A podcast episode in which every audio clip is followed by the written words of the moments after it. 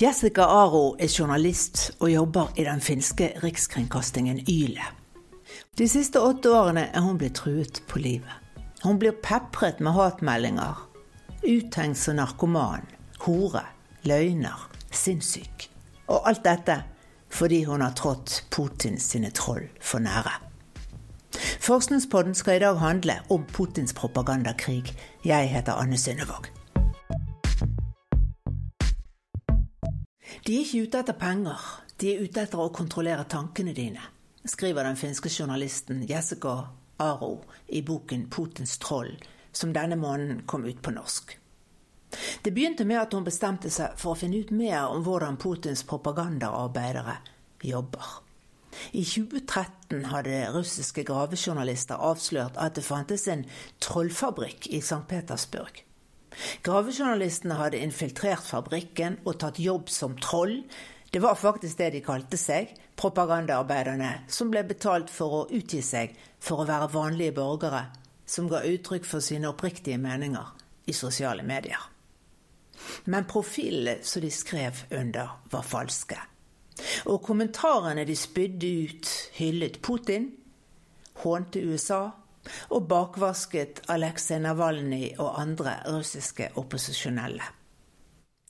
De ansatte propagandaarbeiderne, som var mest unge mennesker i 20-årene, jobbet i tolvtimersskift døgnet rundt. Og Poenget med nattskiftene var at da kunne de blande seg inn i nettdiskusjoner også i land som ligger i andre tidssoner, som typisk USA. Og jeg vil gjerne vite mer om hvordan Putins propagandaarbeidere jobber. Og ikke minst om hvordan de opererer i Norge. Så jeg har invitert en spesialist på den typen påvirkningsoperasjoner som Putins troll bedriver, til forskning.no sitt studio. Eskil Grendal Sivertsen er forsker ved FFI, Forsvarets forskningsinstitutt, og han bekrefter at trollfabrikkene fortsatt opererer. Det er i hvert fall i hvert fall én trollfabrikk i St. Petersburg i dag, som ble oppretta ganske nylig av samme mann som sto bak denne som vi kjenner fra 2016. Uh, Jevgenij Prigozjin, som også kjent som Putins kokk, og også mannen bak Wagner-gruppen som vi nå har hørt ganske mye om i, i, Ukraina. De var jo aktive i Syria og en sånn slags leiesoldatgruppe som, som, styres av han. Det er også han som har starta en ny, ny, trollfabrikk nå i St. Petersburg, og driver nå i disse dager også åpent rekruttering på Telegram bl.a. for å skaffe folk til å jobbe både i fabrikken og være tilknytta den fabrikken som litt sånn, kan man kalle frilansere. Hva er det de vil oppnå med trollfabrikker? Vi må jo bare anta at uh, hensikten er å påvirke den offentlige debatten og virkelighetsoppfatninga til uh, ulike mennesker, i, både i Russland og i Vesten og i, i, andre land. Så de opererer jo på flere tidssoner og med forskjellige målgrupper i forskjellige land. Uh, hvor de blander seg inn i den offentlige debatten på sosiale medier. Og, og forsøker å dreie, dreie, debatten i en retning som er i deres favør. også forvirre folk for ofte så handler russisk desinformasjon ikke nødvendigvis bare om å forsøke å få oss til å tro på en løgn, men å få oss til å tvile på hva som er sant. Det siste har den finske journalisten Jessica Aro fått erfare til gangs. Bare dager etter at hun hadde publisert sin første artikkel om hvordan de russiske trollene blander seg inn i den politiske diskusjonen i andre land, gikk Putins propagandaarbeidere til motangrep en Facebook-gruppe for folk som ville protestere mot at den finske rikskringkastingen stemplet russiske borgere som troll, oppsto som trollervæske. De mest aktive i gruppen var falske profiler som spredde falske nyheter og beskyldninger mot Jessica Aro, som ble systematisk tagget i aggressive diskusjoner. I innlegg etter innlegg så ble Jessica Aro stemplet som en russofob som spredde hat mot russerne. Hun ble fremstilt som kriminell, løgner og hore. Og når sånt kan skje i et av våre naboland, kan det da skje i Norge også, spør jeg forskeren Eskil Grendal Sivertsen.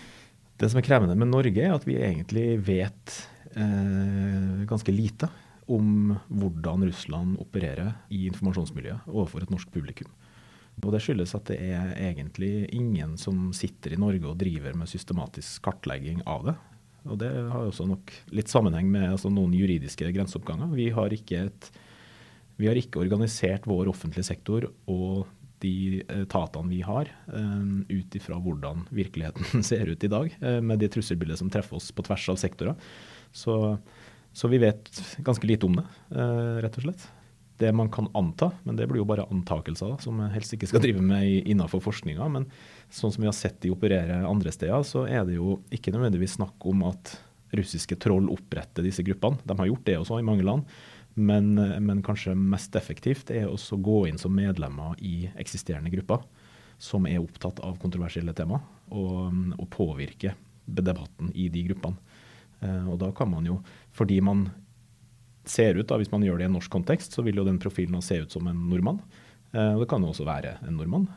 Eh, så, så, så, vil man jo da kunne eh, ha troverdighet og bygge seg troverdighet, og kunne bidra til å radikalisere synet og, og retorikken i gruppa. Og derigjennom på en måte rekruttere vanlige nordmenn, da, som er gruppemedlemmer som er opptatt av den saken, til å bli kan du si, intetanende våpendragere for russisk propaganda, uten at de egentlig er klar over det sjøl.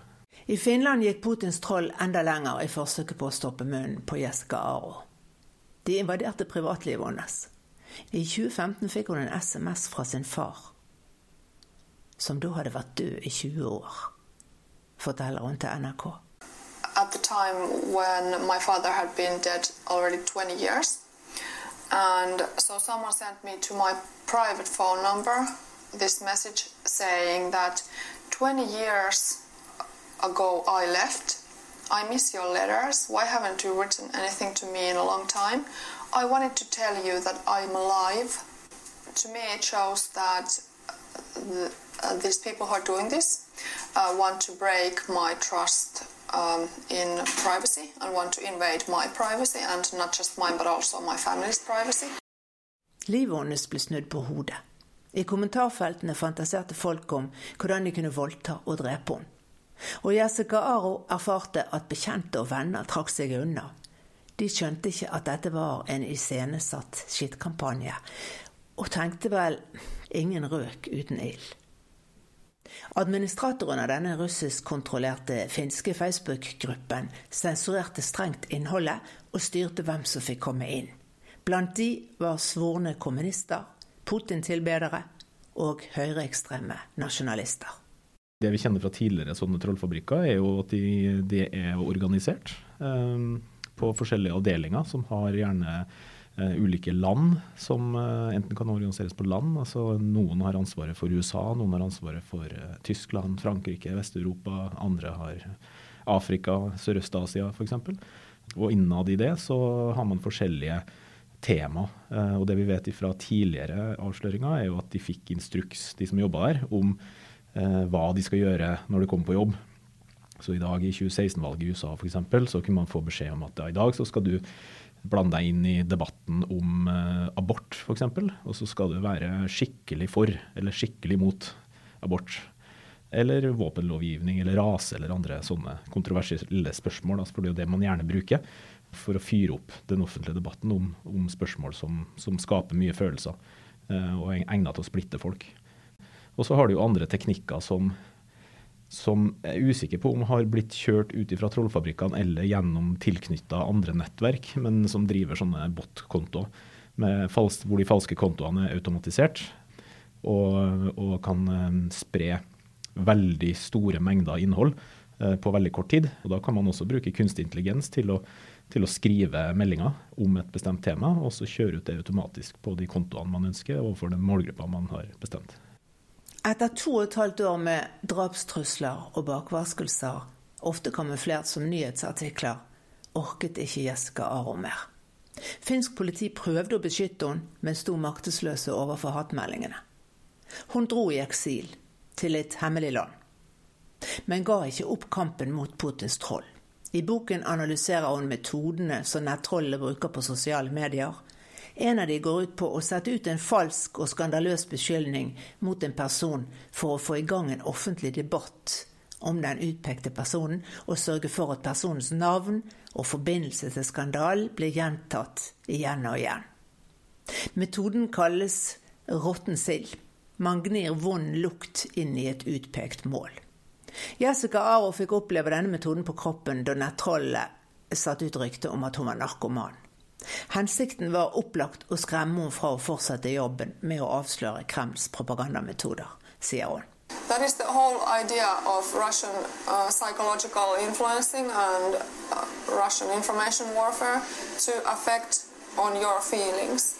En annen metode, den store løgnen, fungerer på lignende måte. Tanken er å spre en løgn som er så utrolig at det er umulig å tro at noen kan lyve om det.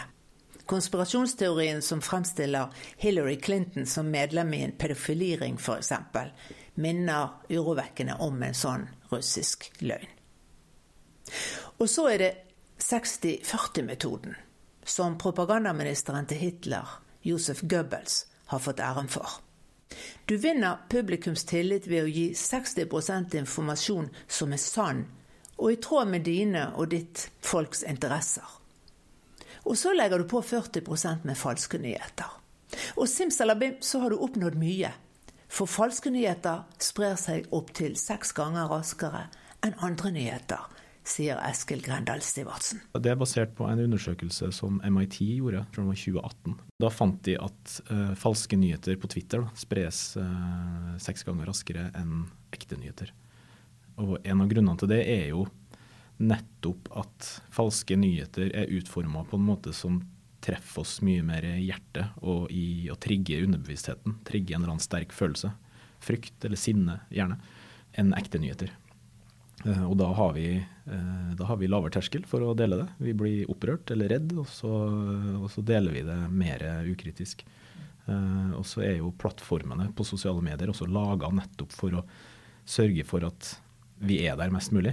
Og da er det det engasjerende innholdet som, er, som blir spredd og favorisert av algoritmene.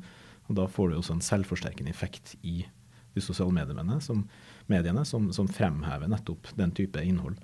Um, og Det er jo litt av det problemet vi, vi står i i dag, da, som ser at det, det har blitt det mange kaller det en uh, infodemi. Uh, altså en pandemi av, av falsk informasjon uh, som florerer ut der, fordi det er for dårlig regulert. Da, da ble jeg fristet til å tenke Jeg fikk en sånn aha-opplevelse når jeg så at Jeg leste i boken til Jessica Aro at denne russiske statseide nyhetskanalen Russia Today, eller RT, at de reklamerer med at de forteller historiene som tradisjonelle medier ignorerer. Og det, da tenkte jeg dette lyder jo som Steigan eller Reset eller dokument.no her hjemme. Sant?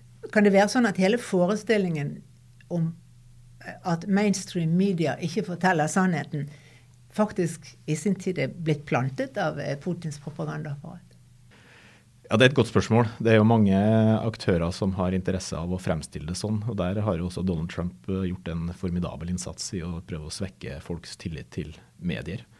Men det er klart, eh, Russland vil jo ha en, en uh, intensjon av å, å, spre mest mulig tvil om hva som er sant.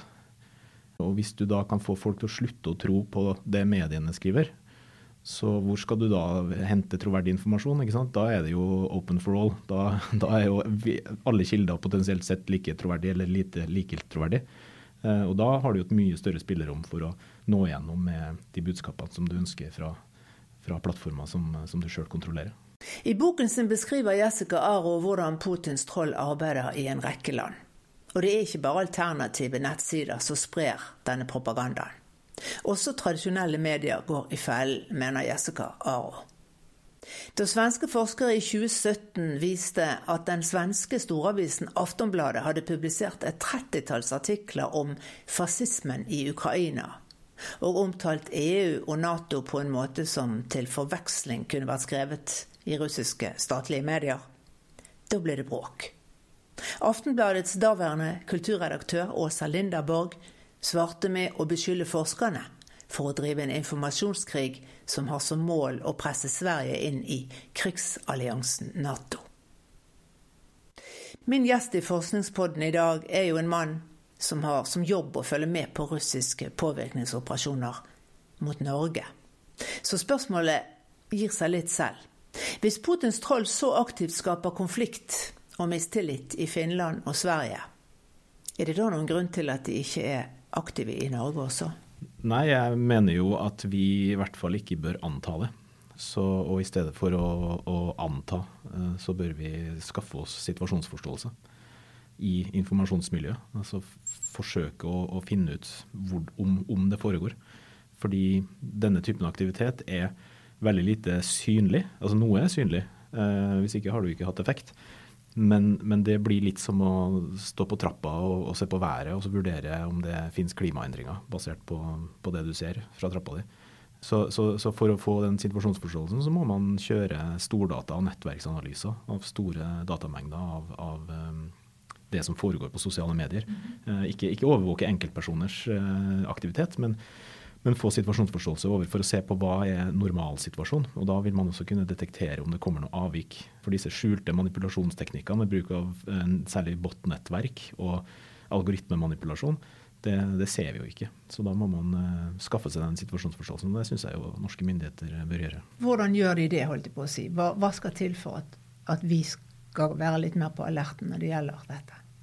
Jeg tror vi, Hvis vi ser på andre land, så har de jo etablert sentraliserte funksjoner i statsapparatet på tvers av sektorer med mandat til å, å gjøre sånne kartlegginger over informasjonsmiljøet på hva som skjer i sosiale medier og på nett i sitt land.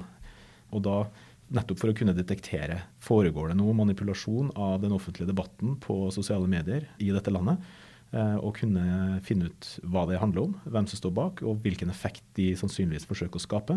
Og så gå ut med den informasjonen, fortelle det til myndigheter, fortelle til befolkninga at nå foregår det noe som vi tror handler om dette, og her er noen råd for hvordan vi skal håndtere det. Sverige etablerte jo f.eks. 1.1 en egen myndighet for psykologisk forsvar, som gjør akkurat det. Eh, og flere andre land har, eh, har lignende funksjoner. Det har vi per i dag ikke i Norge. Jeg tror det kommer?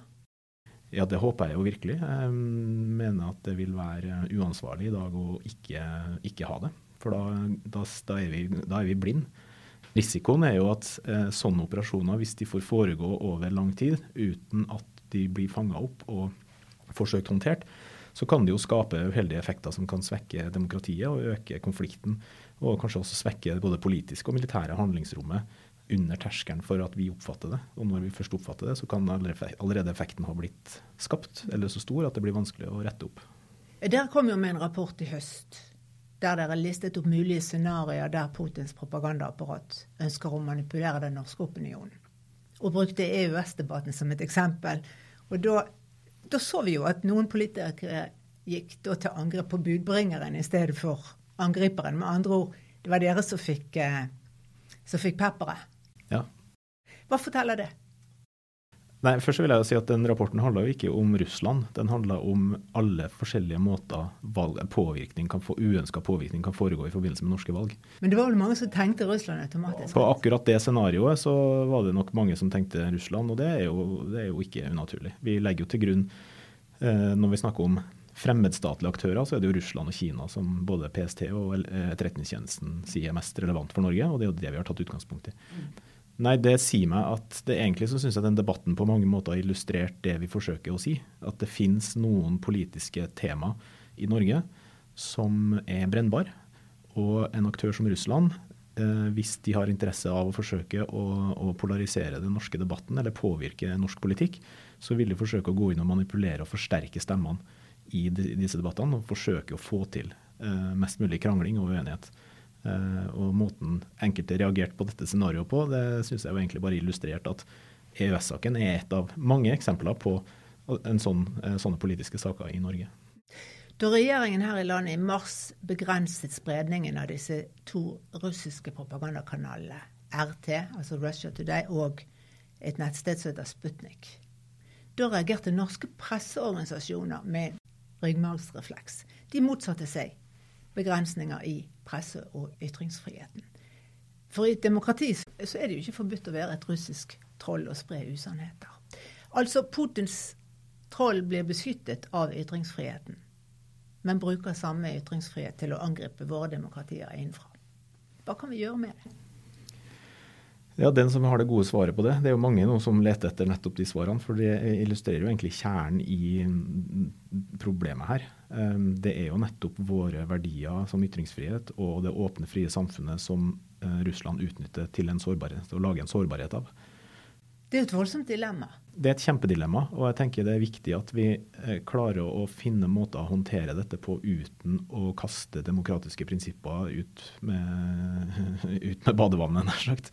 Fordi da, da er vi jo en, i en retning som vi kanskje ikke ønsker. Det er jo nettopp demokratiet vi ønsker å beskytte her. Um, og det er kjempevanskelig. Og um, jeg tror ikke vi kommer så veldig langt uten regulering av plattformene. Vi kan, eller vi kan gjøre noe eh, som samfunn og som medborgere, men til syvende og sist så handler det jo om at hele den offentlige debatten vi har, som vi skal ha i, i demokratiske land, den foregår jo nå i eh, digitale rom på sosiale medier som ikke er under demokratisk kontroll. Så det rommet vi har den offentlige og kritiske debatten i, er kontrollert av eh, teknologiselskaper som kan manipulere den debatten med algoritmer uten at vi vet hvordan de gjør det. De kan forsterke stemmer, de kan, eh, kan trykke ned stemmer, og de kan påvirke det. Og det er ingen redaktørplakat? Det er ingen redaktørplakat, og, eh, og, og da er vi jo da, er, da, kan man jo stille spørsmål om vi faktisk deltar i en åpen, fri debatt, når den foregår i et rom som kan kontrolleres og manipuleres så lett av de som eier det rommet. Og så I tillegg så har jo aktører som Russland blitt veldig gode til å vite hvordan skal vi utnytte nettopp de algoritmene til eh, å, å, få fram vårt syn og våre stemmer og påvirke befolkninga i den debatten. Hvordan tror du krigen i Ukraina har påvirket mulighetene som Putins troll har for å lykkes? Jeg tror på en måte i Vesten så tror jeg um, først pandemien, men så invasjonen 24.2 har gjort det tydelig for mange flere at Russland driver med massiv propaganda og spredning av desinformasjon. Og at dette foregår, og at det er noe vi må ta på alvor. Samtidig så reagerer jeg litt når jeg hører folk som sier at eller som mener at uh, Russland har tapt propagandakrigen. fordi altså de i vår omgangskrets eh, gjennomskuer løgnene til Putin, og mye av det er så dumt at vi, vi, vi tror ikke på det. det. Da tror jeg man, Det er to ting man har glemt litt eller ikke forstått.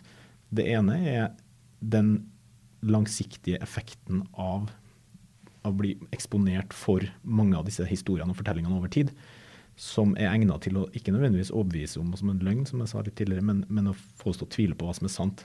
F.eks. at Ukraina er full av nazister, har et stort problem med nazister. Um, det har vi sett beviser på ASO-bataljonen og disse bildene med svastika. Det fins beviser for det. God desinformasjon har jo en kjerne av sannhet i seg, og ASO-bataljonen har en problematisk opprinnelse. Men Ukraina som land har ikke et større problem med nynazister enn andre europeiske land. Men bare det at man ikke er helt sikker på om det er sånn, det viser jo kanskje da at, at propagandaen kanskje har hatt en effekt likevel. Um, og det andre punktet er jo vi må ikke bry oss bare om Vesten.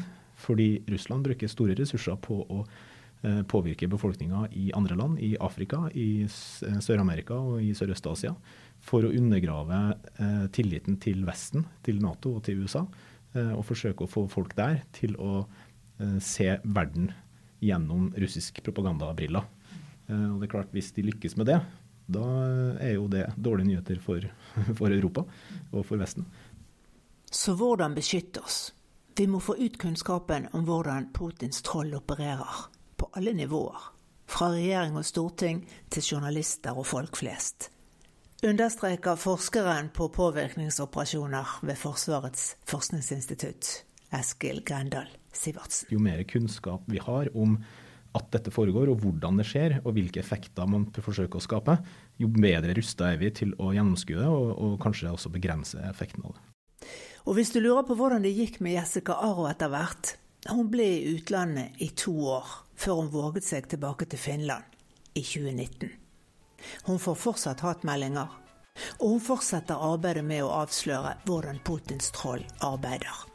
Jeg anbefaler deg å lese boken.